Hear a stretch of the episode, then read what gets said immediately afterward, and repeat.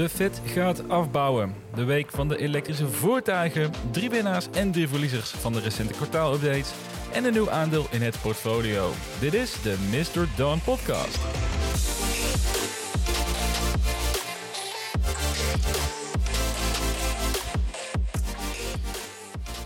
Leuk dat je luistert naar deze aflevering. Mijn naam is Jasper en in deze podcast focussen we ons op investeren in innovatieve groeibedrijven. En aan de vaste luisteraar moet ik mijn excuses maken, want helaas lukte het mij vorige week niet om een aflevering gereed te krijgen. Het goede nieuws is dat het mij wel ideeën heeft gebracht over hoe ik deze podcast nog een langere tijd kan blijven maken. Dus daar ga ik je zo meteen meer over vertellen. En daarna gaan we door naar het nieuws van de afgelopen week. Ook zitten we volop in het Q3 earnings seizoen. In de afgelopen twee weken hebben een hoop groeibedrijven toelichting gegeven over hun prestaties van het afgelopen kwartaal. Dus een goed moment om te kijken naar wat mij betreft de drie winnaars en de drie verliezers tot op heden zijn. Afsluitend heb ik een nieuwe positie geopend in het portfolio. Voor degenen die mij op Twitter volgen, die weten al over welke aandelen het hier gaat. En voor diegenen die mij niet volgen op Twitter of geen Twitter hebben, die gaan dus verderop in deze aflevering horen welk aandeel het is en waarom ik heb besloten om een positie te openen.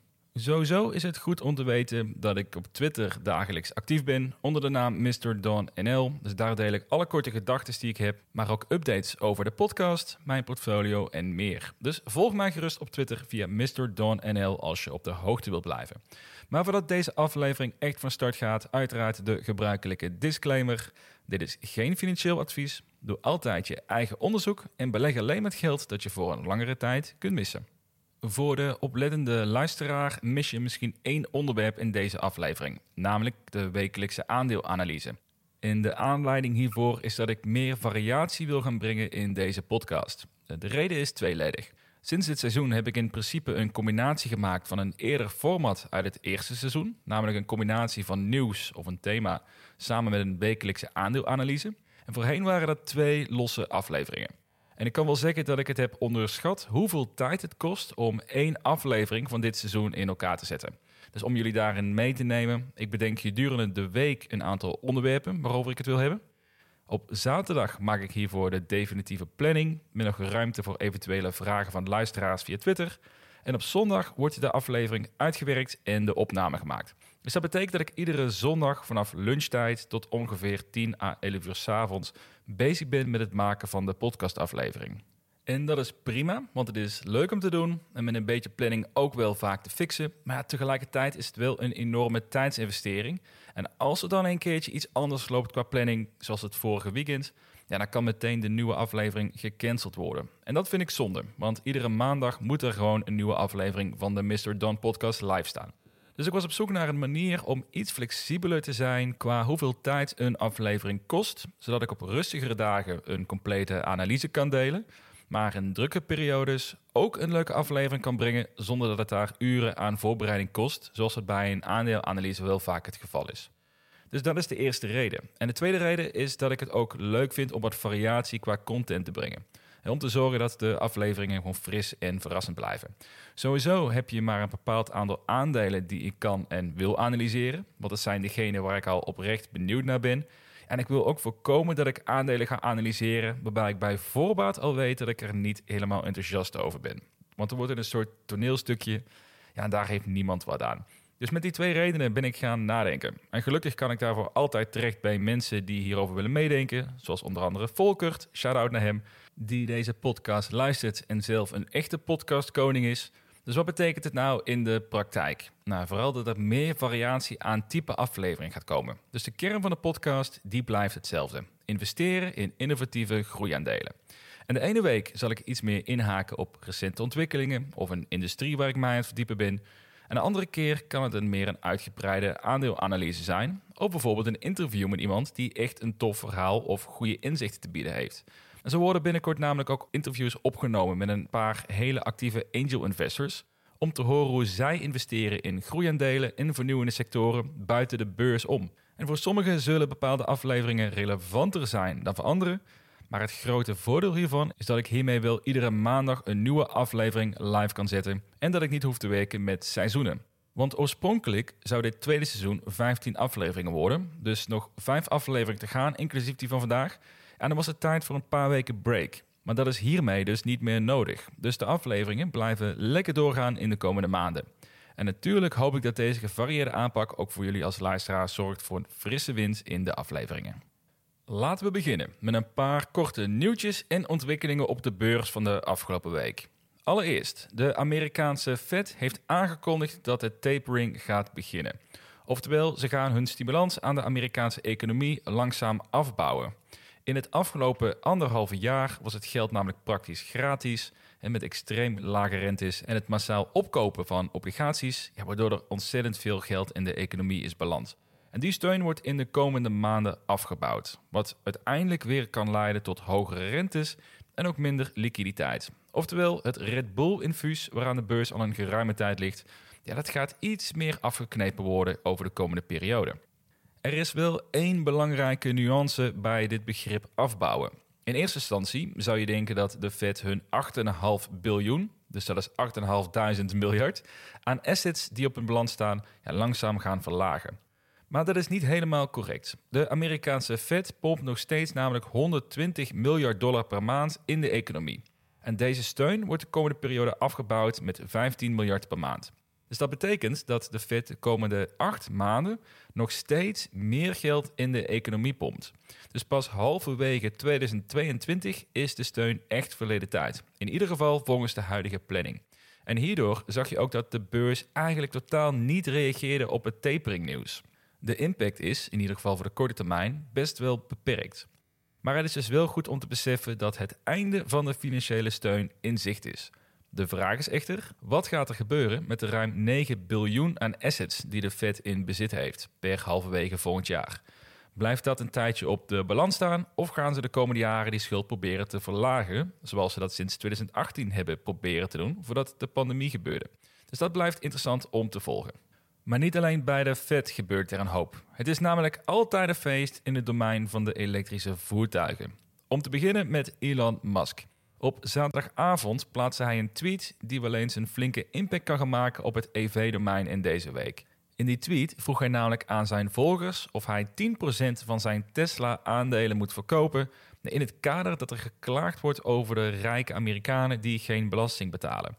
Hij krijgt namelijk geen salaris of een bonus in de vorm van geld, enkel het verkrijgen van meer aandelen, waardoor hij geen belasting hoeft te betalen op zijn vermogen. En het klinkt uiteraard ontzettend nobel, maar we weten allemaal dat Elon Musk niet op zijn achterhoofd is gevallen.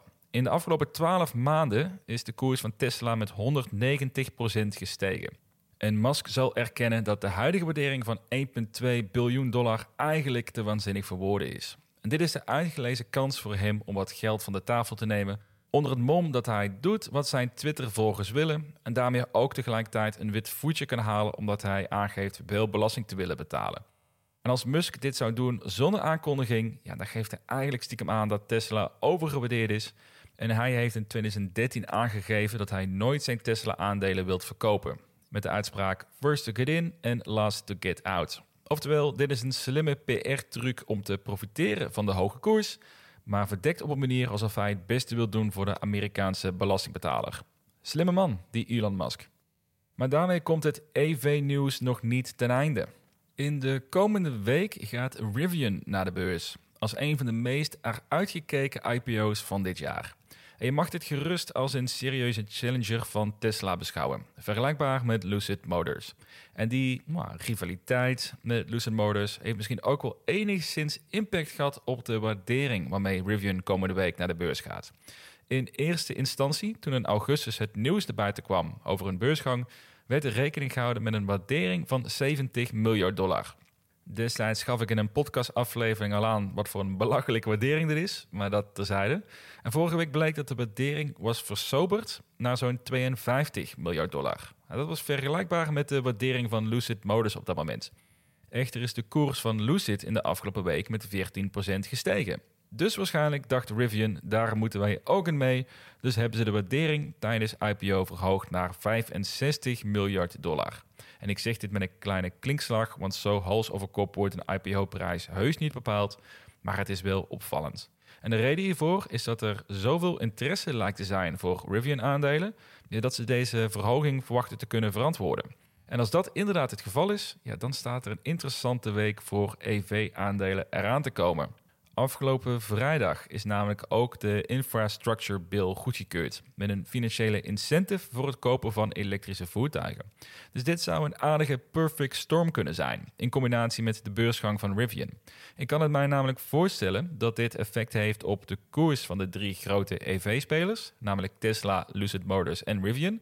Ervan uitgaande dat Elon Musk niet de beurs op zijn kop zit met zijn aankondiging dat hij 10% van zijn aandelen wilt verkopen maar als beleggers een kritische blik werpen op de waardering van die drie bedrijven, dan zou in dat kielzog ook een aantal EV-startups meegetrokken kunnen worden. Dus dan kun je denken aan EV-automakers zoals een Canoe, een Fisker of een Arrival, maar ook oplaadpunten zoals ChargePoint, Blink Charging en Volta Charging, die zouden kunnen profiteren van de heropleving van EV-aandelen op de beurs. Dus het wordt voor beleggers in elektrische voertuigen zeker een week om in de gaten te houden. Tot zover het nieuws van de afgelopen week. Straks ga ik jullie vertellen wat mijn nieuwste portfoliopositie is. Maar eerst werp een blik op het eerste deel van de Q3 earnings updates. De afgelopen weken hebben een hoop bekende groeibedrijven hun resultaten van het afgelopen kwartaal gedeeld. En het lijkt mij een mooi moment om te kijken naar wie in mijn ogen de drie winnaars zijn en welke drie aandelen je als verliezers mag benoemen. En ik heb uiteraard niet alle earnings report in details gelezen, dus het is ook puur een meer een persoonlijke voorkeur vanuit aandelen waar ik al een tijdje een extra oogje op houd. Om te beginnen met de drie winnaars. De allereerste is Enphase. Dat is een ontzettend interessant bedrijf die techniek ontwikkelt rondom zonne-energie. En dit bedrijf staat al een langere tijd op mijn wishlist, omdat er overal reviews te vinden zijn over hoe ontzettend goed hun producten en hun techneuten zijn. En het afgelopen kwartaal is hun year-over-year omzet verdubbeld naar een record van 352 miljoen dollar omzet in Q3. Met daarbij de verwachting dat in Q4 ongeveer voor 400 miljoen dollar omzet behaald wordt. Daarnaast beginnen ze binnenkort het uitrollen van een nieuwe productlijn en hebben ze 84 miljoen dollar winst gemaakt. En sinds het kwartaalupdate is het aandeel met 37% gestegen. Dus dat zegt eigenlijk wel voldoende. De tweede winnaar op mijn lijstje is het alombekende Airbnb. Zij draaiden ook een recordomzet van ruim 2,2 miljard dollar en dat is een stijging van 67% year over year. Ook heeft het bedrijf alle verwachtingen overtroffen qua winstgevendheid met een netto winst van 834 miljoen dollar. En voor Q4 wordt de omzet wel volgens verwachting, dus dat is niet omhoog bijgesteld, Misschien dat daardoor het aandeel slechts, tussen haakjes, met 13% is gestegen. Ja, alles het bedrijf met een waardering van 126 miljard dollar. Ja, natuurlijk ook niet echt in de aanbieding. Maar qua resultaten hebben ze een geweldig kwartaal achter de rug. De derde winnaar op mijn lijstje, dat is in mijn ogen Pinterest. En misschien ben ik licht gekleurd in deze keuze, ook al had ik wel wat moeite om een echt een overduidelijke derde winnaar te vinden. Maar Pinterest heeft een pittige periode op de beurs achter de rug. Nadat een vermeende overname van PayPal is afgeketst, waarna de koers fors is gedaald. Het vertrouwen in het bedrijf is laag, zoals dat voor veel social media aandelen op dit moment het geval is. Pinterest heeft echter het laatste kwartaal een omzetgroei van 43% laten zien, naar ruim 632 miljoen dollar. En het heeft een winst geboekt van 94 miljoen dollar, wat een stijging van 117% year over year is.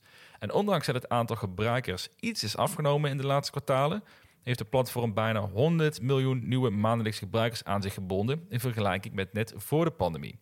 En het vierde kwartaal is traditioneel de beste maand van Pinterest en eigenlijk van alle digital advertising aandelen.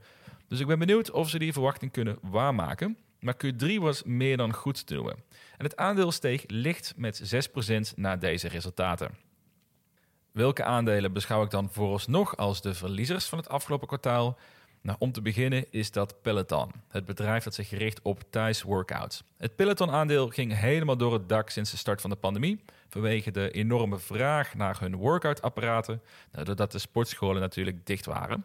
Alleen de koers die steeg vanaf het coronacorrectie tot eind 2020 met ruim 600% Maar inmiddels is de wereld weer aan het normaliseren en neemt de vraag af. Mensen gaan weer naar sportscholen toe en daarbij heeft ook Peloton last van de supply chain problemen. Het resultaat slechts 6% omzetstijging en een fors verlaagde verwachting voor geheel 2021.